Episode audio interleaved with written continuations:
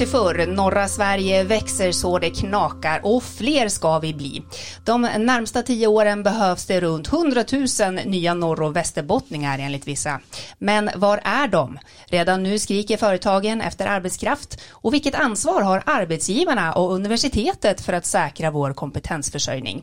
Det ska vi prata om idag här i Regionpodden. Jag heter Elin Leonberg och med mig här i studion har jag Andreas Lindqvist, vd på rekryteringsbolaget One Partner Group i Umeå.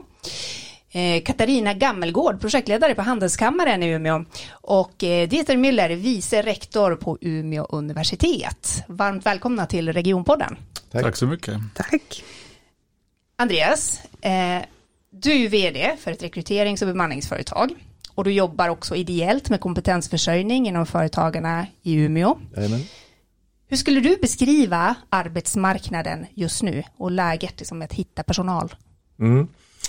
Jag skulle säga så här att den förändras ju hela tiden och just precis just nu eh, i den tid vi lever i så eh, är det nog extremt svårt. Alltså dels är det som det har varit lång tid har det varit svårt att eh, hitta personal egentligen i nästan alla branscher.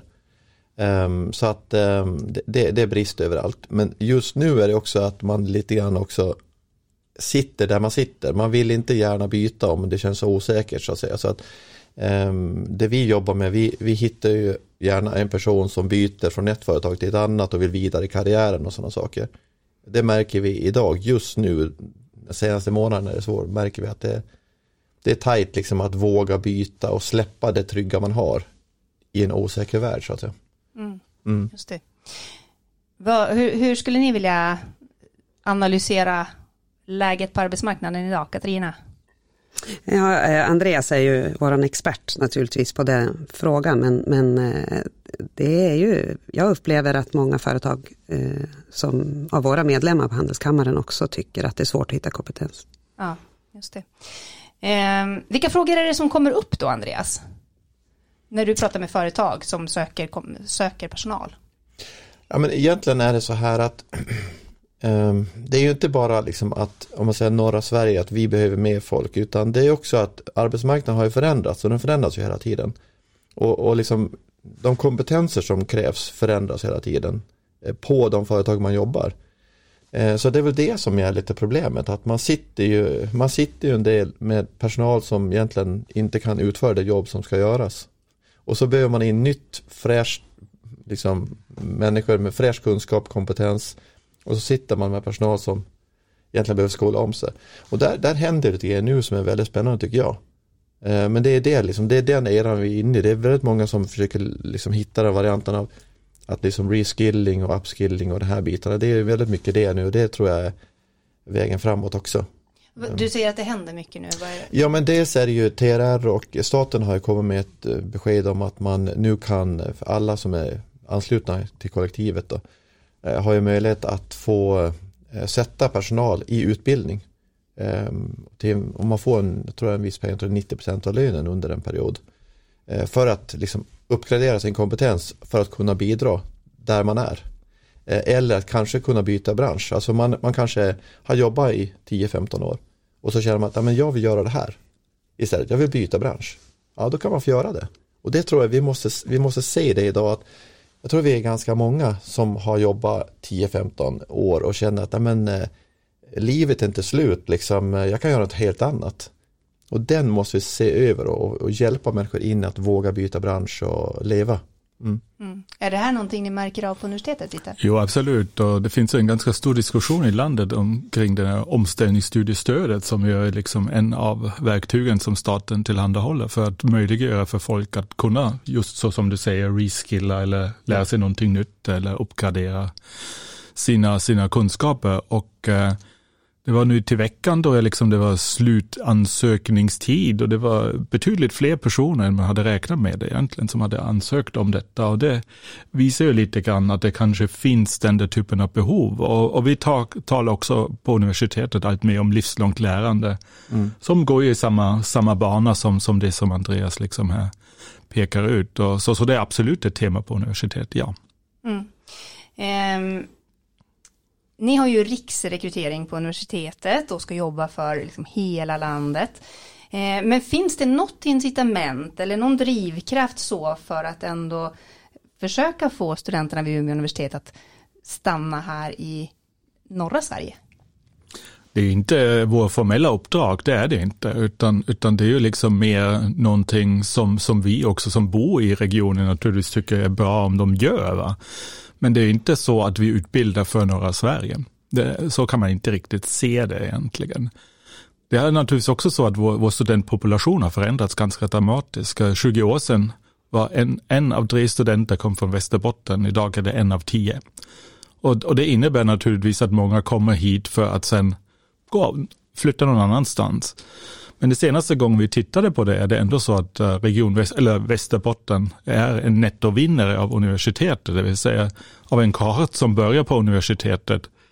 När man tittar på varifrån de kommer, då är det före, före studiebörjan är det eh, liksom ett antal från Västerbotten och efteråt, fem år efter studiets slut, studiernas slut, är det fler i Västerbotten. Som de facto vinner man på att ha ett universitet i länet. Sen är det klart att jag menar, många av de som kommer någon annanstans ifrån, de flyttar hem igen. Jag kan inte exakta siffror nu, men runt eh, tre fjärdedelar kan man ungefär säga flyttar vidare. Så det är klart, där finns det naturligtvis en potential att, uh, av potentiella nya västerbottningar bland den här gruppen. Och en fråga är naturligtvis hur kan man uppmärksamma dem på att det finns faktiskt en väldigt het och intressant arbetsmarknad i norra Sverige. Och tror att där finns det vissa, vissa utmaningar. Mm. Är det någonting där som du känner att universitetet kan göra mer? Jag tror vi inte kan göra det själv, för nummer ett har vi inte kompetensen. Nummer två, som sagt, är det inte riktigt vårt uppdrag. Däremot eh, är vi ju öppna för att samarbeta med andra och liksom öppna våra dörrar för att uh, företagare eller olika organisationer kan komma till universitetet och liksom berätta om vad de håller på med. Och det är bra för våra utbildningar, men det är också bra för studenternas omvärldsorientering. Så, så på så vis eh, är det absolut så att vi som universitet skulle kunna absolut tänka oss och önska oss att, eh, att det finns ett bättre, en bättre samverkan runt den där frågan. Mm. Eh, Katarina, mm. du jobbar eh, mycket gentemot eh, studenter, studentkårer eh, och arbetslivet. Eh, just för att försöka koppla ihop de här två. Eh, hur tycker du att det arbetet går? Alltså hur vet studenterna att det finns massa jobb här i norra Sverige? Nej, det, eh, vi har ju lite snårskjuts nu med att det står väldigt mycket i riksmedia om den gröna omställningen i norra Sverige. Eh, det, och det är ju, men det har vi bara haft de senaste två åren skulle jag vilja säga. Eh, men det man hör när man pratar med studenterna och eh, eh, det är ju som Dieter säger, de flesta är ju inte härifrån. Och då är det ju också inte naturligt för dem att veta vad som finns här. Så det måste vi hjälpa dem och upplysa dem om lite grann. Men, men det finns en, eh, en, en blank fläck ändå. En del tror faktiskt inte att det går att göra karriär här uppe. Mm. Vad säger du om det Andreas? Ja, eh, jag har faktiskt ingen uppfattning om, om det utan jag, jag, jag tänker att studenter ändå är, är, ganska upplysta om vad som händer i och för sig. Då. Men, eh, men, men eh, det jag tänker att det, det jag tycker jag har sett en trend av det är att det är som lättare att hitta en person från en mindre ort, eh, Kristianstad eller Halmstad och, eller kanske till och med utomlands att vilja flytta till Norrland och jobba i Skellefteå till exempel eller, eller så, eh, än att få en stockholmare att eh, även om man pluggar här så är det bara tillfället för man ska vara i stor, storstan. Liksom. Så det är väl intressant att gå på rätt målgrupp. Eh, och, och, en fråga till Dieter är ju också, jag tänker nu det blir mer och mer digitalt av de här eh, utbildningarna som, som, går på distans. Det är liksom, tycker jag, liksom en utmaning att, att inte bara låta det gå för långt att, att uh, uppmuntra distansutbildningar, för det man vill gärna ha hit dem också. Mm. Distansutbildningar gör att de kan bo kvar hemma och ha kvar det här. Då har de inte flyttat hit på riktigt. Och det är ju en liten varningsflagg för att vi vill gärna ha hit dem. Ja, nu har vi inte så mycket, alltså jag tror 23 procent eller 26 procent eller något sånt av våra utbildningar är, på distans, eller studieplatser är på distans, så det är inte det mest vanliga. Och eh, de facto vet vi också att många distansstudenter bor faktiskt i Umeå. eller omnejd. Så, så det är inte så att vi har studenter lite varstans, eller det har vi, men det är inte stora mängder. Va? Så jag tror inte där i ligger riktigt faran, men det som vi vet också från, från migrationsforskningen är ju att folk flyttar normalt till ställen där de har någon slags, eh, ja, någon slags kännedom eller kontakter till. Alltså de som flyttar till Skellefteå, de har sannolikt släkt där eller har bott där själv någon gång tidigare eller har besökt staden åtminstone. Man flyttar inte till tomma intet. Va? Mm. Och så som du säger, det är ju liksom för, för utländska medborgare alltså som kommer, eller direkt från utlandet, då finns inte riktigt den typen av överväganden kanske. Utan då är det mer så att uh, det är kanske arbetsuppgiften som sådan som lockar. Och det vet vi också att ju mer utbildat folk är, så mer sannolikt är det också att de flyttar till ett jobb. Det gör mening för en ingenjör att flytta till Skellefteå. För det är kanske en spännande arbetsuppgift som väntar på Northvolt eller någon av underleverantörerna. Men för en städare, mm då gör det ingen mening. För den personen kommer inte att tjäna så mycket mer pengar i Skellefteå heller. Alltså rent ekonomiskt gör det ingen mening, men samtidigt tappar man ju alla sina sociala nätverk när man ska flytta från Småland till, till Skellefteå. Mm. Och de är då mycket viktigare än för en person kanske som, som är högutbildad och har karriärmål. Mm.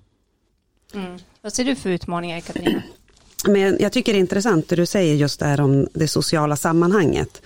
Eh, och det får ju studenterna som kommer hit från andra ställen. De kommer ju till en okänd ort eh, på ett sätt. Eh, och då skapar de ett socialt sammanhang här. Och det jag tror många eh, inom alltså många företag i alla fall ser, det är ju att de tar våra ungdomar med sig när de flyttar. Alltså, mm. det, den största gruppen studenter är stockholmare. Och det är väl okej okay att de flyttar hem. Men om de är den största gruppen och säger nej men eh, i Stockholm finns jobben, så säger de som är härifrån också, jaha, det är i Stockholm jobben finns. Och så flyttar de med, för då har de skapat det sociala sammanhanget här. Så det, ja det, vi ska inte vara rädda heller. Alltså, man, man, man kanske inte ska vara helt, eh, alltså släppa, alltså de här som då pluggar här och som flyttar de härifrån. Det, om man tittar på oss som rekryteringsbolag så är det ju, vi söker ju dels givetvis om man är härifrån, vi ser att ja, men, du har bott här och växt upp i, i trakterna. Det är ju jättebra om man tittar på LinkedIn och de här bitarna. Men det räcker ju nästan att ja, men, hon eller han har läst på Umeå universitet det är direkt en faktor där vi vet att nu, den här ska vi kontakta och säga, vill du inte flytta upp igen? Så vi är ju på och jagar dem. Så att här är det ju, blir det som, vi har pratat, som ni har pratat om här i den här podden tidigare, det här med vart vill man bo? Varför vill man bo i Umeå? Och det handlar väldigt mycket om det, bostadsfrågan och livet runt omkring. Mm. Att locka tillbaka dem till Norrland för att hitta ett liv som är hållbart, som man säger. Mm. Jag tycker också det ser man väldigt mycket när man eh, vi har på, som universitet haft eh, ganska mycket olika typer av aktiviteter, med, i synnerhet i relation till Northvolt-etableringen och möten med olika aktörer runt kompetensförsörjningsfrågorna. Man träffar alltid Skellefteåbor som har flyttat tillbaka till Skellefteå. Ja. Det är väldigt påtagligt. Va? Alltså folk som har läst kanske vid Umeå universitet, har flyttat till Stockholm någon gång på 2000-talet. Uh, kanske på grund av att det inte fanns jobb eller jag vet inte varför, eller det var bara storstaden som lockade. Sen bildar man familj. Det blir dyrare att köpa stora lägenheter. Man tycker dessutom inte det är riktigt kul och flyttar tillbaka till Skellefteå. Mm. Och det är, det är väl inget fel i det, va? utan det är ju liksom också en, en, typ av kunskap och ett nätverk som man bygger upp under den tiden där man har varit i Stockholm. Utan mm. det, är, det är väl helt okej okay att det är på det sättet. Men det är klart, alltså, när man har akuta behov av att få med, fler människor hit, då vill man ju gärna göra den där shortcut va? och stoppa, liksom, eller stoppa folk från att flytta just till Stockholm eller någon annanstans och sen komma tillbaka. Utan helst ska man stanna här hela tiden. Va? Men jag tror det, det kommer ju med ett pris också, för jag tror många av de personer som har flyttat till Stockholm och flyttat tillbaka, ja, som jag nämnde just, de har ett nätverk och de har, de har någonting med sig från den tiden. Mm. Och det tror jag ska man inte underskatta heller. Va? Mm. Hur viktigt blir det med praktikplatser och examensarbeten, att det görs just här i norra Sverige då, för att kanske knyta kontakter och få dem att stanna? Ja, vi tycker det är viktigt. Vi tycker det är dessutom trevligt om vi kan bygga den där typen av relationer till ett näringsliv runt omkring oss, eller också den offentliga sektorn för den delen. Men eh, det är naturligtvis också, det finns ju delvis en eh, mottagnings, eh, eller kapacitetsproblematik när det gäller mottagning. Om vi tänker idag, Skellefteå har ett reellt bostadsproblem. Så att få en praktikplats i Skellefteå men sen inte ha boende funkar inte riktigt. Så, så det finns eh, en del sådana utmaningar också idag. Men principiellt är det ju, eh, i synnerhet så tekniska utbildningar har det ganska mycket redan idag och det finns liksom lite olika lösningar där man till exempel samarbetar med Volvo eh, där studenterna kan få sommarjobb och få någon slags eh, längre, längre varande relation med Volvo till exempel. Så det finns den där typen av program för vissa utbildningar Eh, som, som just syftar till att göra studenterna också medvetna om de olika arbetsgivare som finns i regionen, men också skapa en större förståelse vad som kommer att krävas och hur arbetsuppgifterna ser ut. För jag tror även där finns det idag en, kanske om man tittar på befolkningen som hela, en, eh, vad ska vi säga, en, en eller de ungdomar har oftast en ganska begränsad uppfattning om, om hur arbetslivet ser ut, skulle jag vilja säga. Och det kanske vi alltid har haft. Delar du den bilden, Katarina? Eh, att eh, ungdomar har en begränsad... Ja, precis. Ja, men jag tror eh, att, om man får säga då, förr i världen, om man går tillbaka till 80-talet, så, så började man ju kanske jobba lite tidigare redan i högstadiet, kanske man fick ett sommarjobb. Idag kanske det är, eh, ja men ända, man får vänta ända tills man är 18 innan man kan få sommarjobba. Och, och då har man ju inte den här arbetslivserfarenheten när man kommer in på universitetet så när man tar examen så kanske det är det första jobb som man har. Men eh, ja, så det kan vara ett problem också. Ja, jag tror vi hade förr definitivt fler vuxenstudenter, eller, eller mm. studenter som var lite äldre när de påbörjade sina studier. Va? Det är liksom nog säkert en trend som är alldeles, som du spottar helt rätt, att uh, idag har vi fler studenter som kommer direkt från gymnasieskolan och som inte har rest runt i världen eller, eller jobbat ett år eller så. Mm. utan kommer ganska direkt och man är väldigt funktionellt inställd i relation till sin utbildning, vill den ha gjort och sen ska man gå vidare till ett arbetsliv. Men man, man har inte riktigt samma erfarenheter som studenterna för. Mm. Jag, jag, tänker också att, att eh, om man, så man får utmana Umeå kommun och, och eh, hela regionen här, Skellefteå också, att i den här tiden nu Eh, allting blir dyrare och byggbolagen vågar inte kliva in i projekt och bygga och så vidare. Men att här, att fortsätta bygga nu rejält alltså, då, då kommer vi ta marknadsandelar som, som region mot andra. För det, de flesta städer och universitetsstäder har ju samma problem. Så att eh, om vi bara fortsätter bygga nu och köra på i samma takt och vi kommer behöva de här bostäderna. Då kommer vi ta marknadsandelar så det blir lättare att flytta hit. Och det kommer vinna sen när det vänder om man tänker. Jag tänker just bostadsbristen, den har vi väl pratat om i alla tider, höll jag på att säga. Nej, men väldigt länge i alla fall och ändå har det funkat fram tills nu. Skellefteå har haft ända fram till förra året hade de en eh, bostadsgaranti för studenter som kom dit och läste. Eh, den kan de inte upprätthålla nu. Nej, just det. Ehm, men Andreas, vad tänker du, vilken är din bild av den här vikten av att studenter gör praktik eller examensarbeten på regionala företag eller hos regionala arbetsgivare?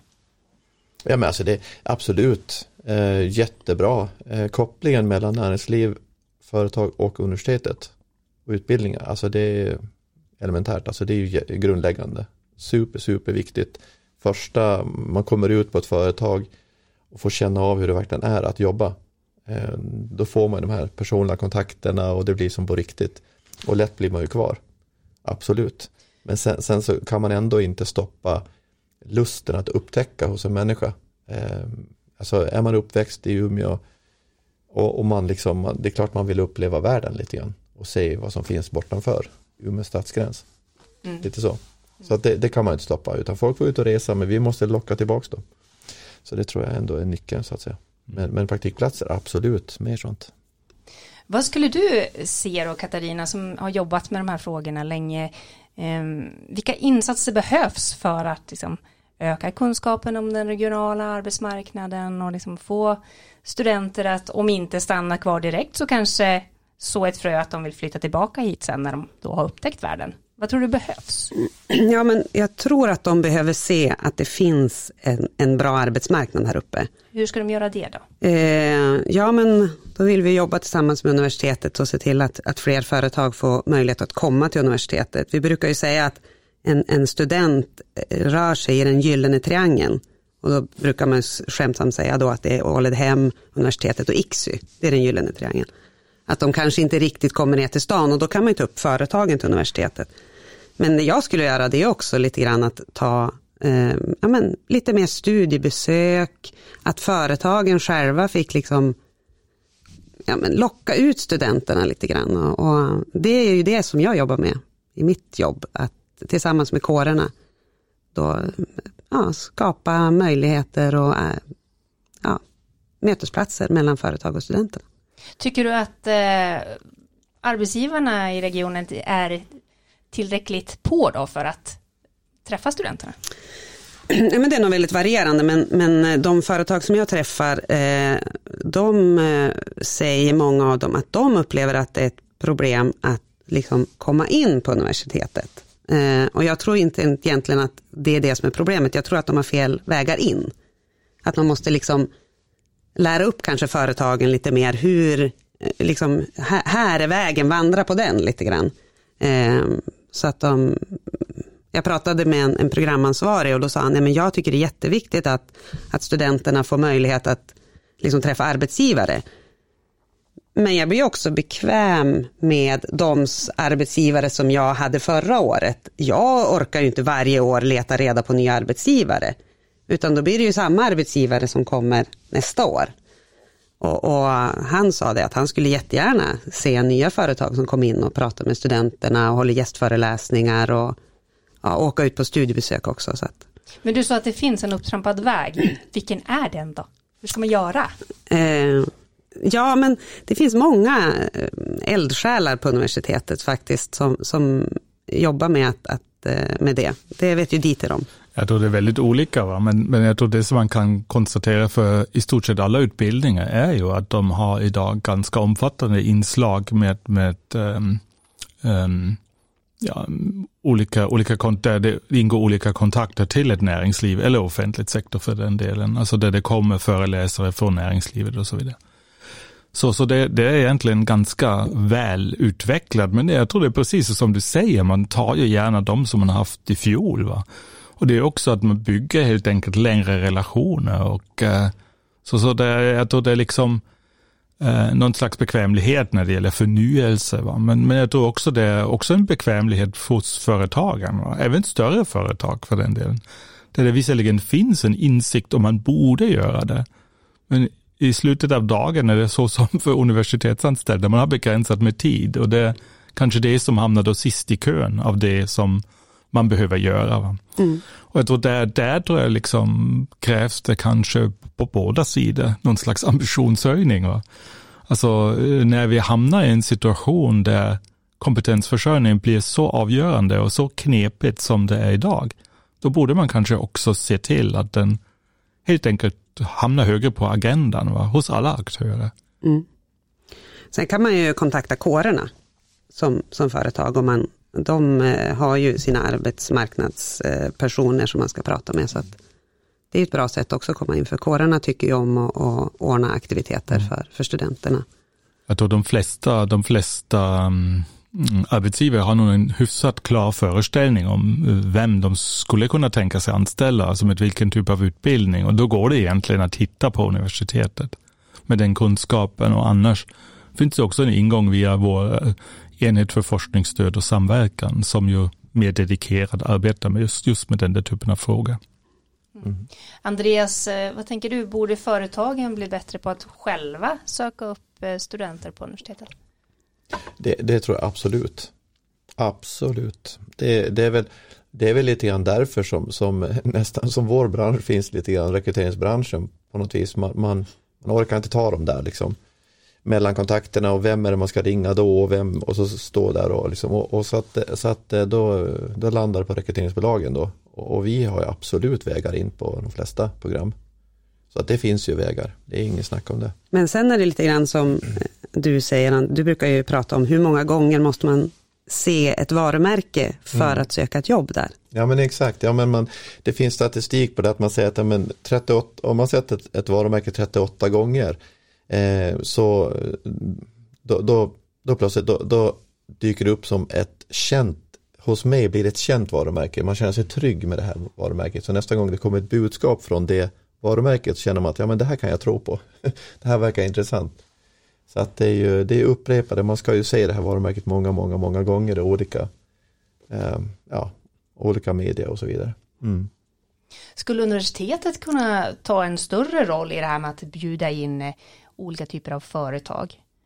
Jag tror vi gör det redan. Det är det som jag menar. Jag tror vi gör det redan. Men problemet är kanske så som Katarina var inne på, att det, liksom, det finns några som får inbjudningar hela tiden medan andra aldrig. Alltså det är mer det. Och jag tror vissa företag eller vissa aktörer är väldigt väl representerade. De är stående inslag i, i olika kurser och återkommer varje år eller till och med varje termin. Medan andra aldrig kommer. Och då där ligger lite grann problem, problembilden kanske. Eh, så, så det är precis så som, som det sades här tidigare, det är egentligen öppna dörrar och det är liksom, jag tror väldigt få som säger Nej, du får inte komma och berätta om vad du håller på med, utan de flesta skulle säga, men vad kul, mm. vi kan komma förbi eller vi kan, du kan komma hit och berätta om det och kanske inte imorgon, men eh, här om, om ett halvår, då passar det in i den kursen som vi har just då. Alltså, men, men det tror jag är det vanligare snarare ja, än undantaget. Så, så jag tror egentligen det är ganska öppna dörrar. Mm. Katarina, jag tänker du ska få ge en liten bild av eh, de företag som eh, kommer till universitetet, möter studenterna, vad det är de säger. För jag vet att du, du anordnade ju en eh, hållbarhetsdag för några veckor sedan tillsammans med studentkårerna. Eh, och där var det flera företag på plats. Berätta om deras tankar efter den här dagen. Eh, de var väldigt nöjda. Eh, därför att eh, de, det, det som de sa det var att det var så lagom stort. Vi hade tio företag eller nio företag var det, och så 150 studenter. Eh, och mycket diskussioner och mycket mingel. Och det var också så att eh, vi hade ett, en bestämd agenda vad de skulle prata om. Och det var ju studenterna i förväg som hade fått önska det. Vilket gjorde att det blev väldigt bekvämt för studenterna att komma fram och prata med de här företagen då som, som, som var där. Eh, och, och, men en del företag då lyfte just det där att de upplevde att det var svårt att komma in på universitetet. Eh, och, men det var många insikter, bland annat så var det här, många av de här företagen företag som var där var i branscher där det fanns för få kvinnor. Och det var ganska många kvinnor på den här, eller unga tjejer då, studenter som var där och eh, de eh, fick nog lära sig lite ja, tjejer de tycker att det är andra saker som är viktiga än killar när de väljer arbetsgivare. Så att, ehm, ja, det var en lärdom som många av dem tog med sig. Det tyckte jag var kul. Vad var det för skillnader då? Eh, nej men, eh, den sociala hållbarheten lyfte många av de tjejer som hade kommit fram och pratat med dem. Eh, som, som en viktig parameter. Mm. Är det här någonting man kan se i forskningen också, att det skiljer sig åt hur män och kvinnor, liksom, vad man önskar av en arbetsgivare? Uh, nu är jag inte expert på den frågan, men uh, så vitt jag vet, ja, det kan man se. Alltså det finns nu olika, olika idéer om detta. Va? Men, men alltså överhuvudtaget, eh, inte bara mellan kvinnor och män, men, men att det ändå finns tydliga idéer. Alltså vissa som har kanske som målsättning just arbete och se arbete som ganska central del av livet helt enkelt. Och sen finns det snarare sådana kanske som också på den andra ändan, folk som arbetar för de måste och för att kunna underhålla en viss typ av fritidsliv som man önskar sig ha. Eh, så, så det, det finns ju allt mellan de ytterligheter så att säga. Och, eh, och det är klart, det, det påverkar hur man väljer va? och vad man väljer och också var man väljer att arbeta. Va? Mm. Mm. Um, den här kompetensbristen som vi ser just nu och den lär ju bara bli större vad det verkar när allt fler etablerar sig här och vi ska bli många, många fler, vi måste växa inom alla sektorer. Um, tror ni att den här kompetensbristen riskerar att göra att liksom, utvecklingen avstannar? Jag skulle nummer ett uh, vända mig lite mot begreppet faktiskt. Jag tror inte det finns en kompetensbrist, det finns en brist på människor. Alltså det är inget fel på de människor som finns här, utan de är ganska kompetenta. De är väldigt kompetenta till och med. Utan det är snarare att vi är för få. Va? Och, uh, och det tror jag liksom, jag såg här om dagen prognoser för ekonomisk tillväxt eller ekonomisk utveckling nästa år som några bankerna hade kommit med. Och man säger ju liksom Sverige kommer att krympa men inte norra Sverige. Mm. Så det kanske liksom eh, kommer att gå med olika typer av takt, men jag tror inte det kommer att slå av helt. Då. Utan vi kommer nog att se det ett antal år framgent. Eh, och jag menar, en, jag menar annars har vi riktigt stora problem. Om en sån stor eh, industrisatsning som Northwood skulle stanna av eller inte bli eh, förverkligad i slutändan, ja men då har vi riktiga problem. Eh, men men eh, om, om det bara rullar på någorlunda i den takt som man hade tänkt sig det, då behöver vi vara fler. Och det är egentligen ingen nyhet då, för att uh, den demografiska utvecklingen i Norrland har ju hela tiden sett så ut att vi har haft uh, många fler äldre än yngre. Och, uh, och det är nu när det liksom kombineras med, med en stor industrisatsning, då blir det väldigt kännbart helt enkelt. Mm. Och, och, det tror jag liksom andra delar av Sverige kommer också så småningom att få uppleva, men, men norra Sverige är lite först ute genom att vi har haft en kanske den mest tydligt åldrande befolkning tidigare. Och, eh, och sen och en industrisatsning på topp eh, är en utmaning. Och jag menar, när man lyssnar på Peter Larsson, statens samordnare, då är det frågan om 20 procent mer befolkning i övre Norrland. Mm. Jämfört med idag. Det, det är intressant med språket också. Det, man vill inte ha språkpolisen eh, på sig. Med, men, men någonstans är det väldigt intressant med, med jag tänker eh, utmaning för mindre företag. Eh, för länge har det varit IT-branschen till exempel och höga tjänst, alltså där det är mer på tjänstemannanivå har det varit blivit mer okej okay att ja, men vi har engelska som koncernspråk och så pratar man engelska, skriver engelska, alla accepterar och det helt plötsligt har man en arbetsmarknad, alltså hur många som helst, fler som kan söka.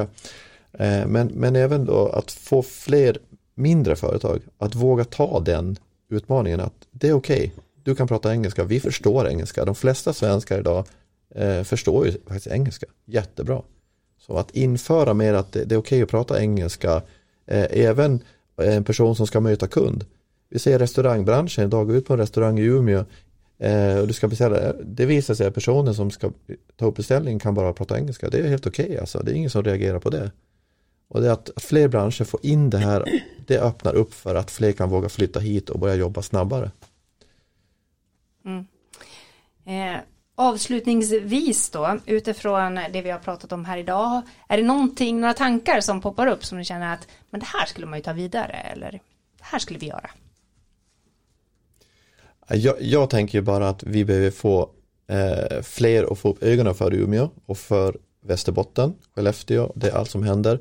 Eh, så att vi bara liksom ser till att, jag tänker, de som har resurserna, region, kommun, åk ner i Europa och fiska upp människor som faktiskt är sugna att flytta och få ett eh, bättre liv. Eh, det är svårt för oss som små, som mig som ett litet företag att göra det. Jag är rätt sugen att göra det men jag kan, jag kan ju inte göra det liksom så. Men, men att eh, de som har stora resurser, åk ner. Det finns, det finns vägar för att göra det också. Mm. Det hjälps åt.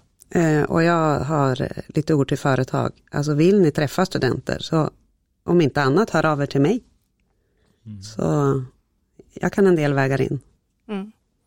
Härligt. Jag tror det, det finns ett, uh, jag, håller med det som sades här, men jag ser också en utmaning i, i uh, på, på himlen och det är ju liksom kopplat till faktumet att vi kanske går i otakt med resten av Sverige. Så där man fortfarande pratar om stor arbetslöshet, där man pratar om att vi behöver stänga gränserna för vi är för många. Uh, och det går stick i stäv med den utvecklingen så som, som vi ser den idag i norra Sverige jag kan mycket väl se en politisk utveckling som är rent av skadligt för norra Sverige.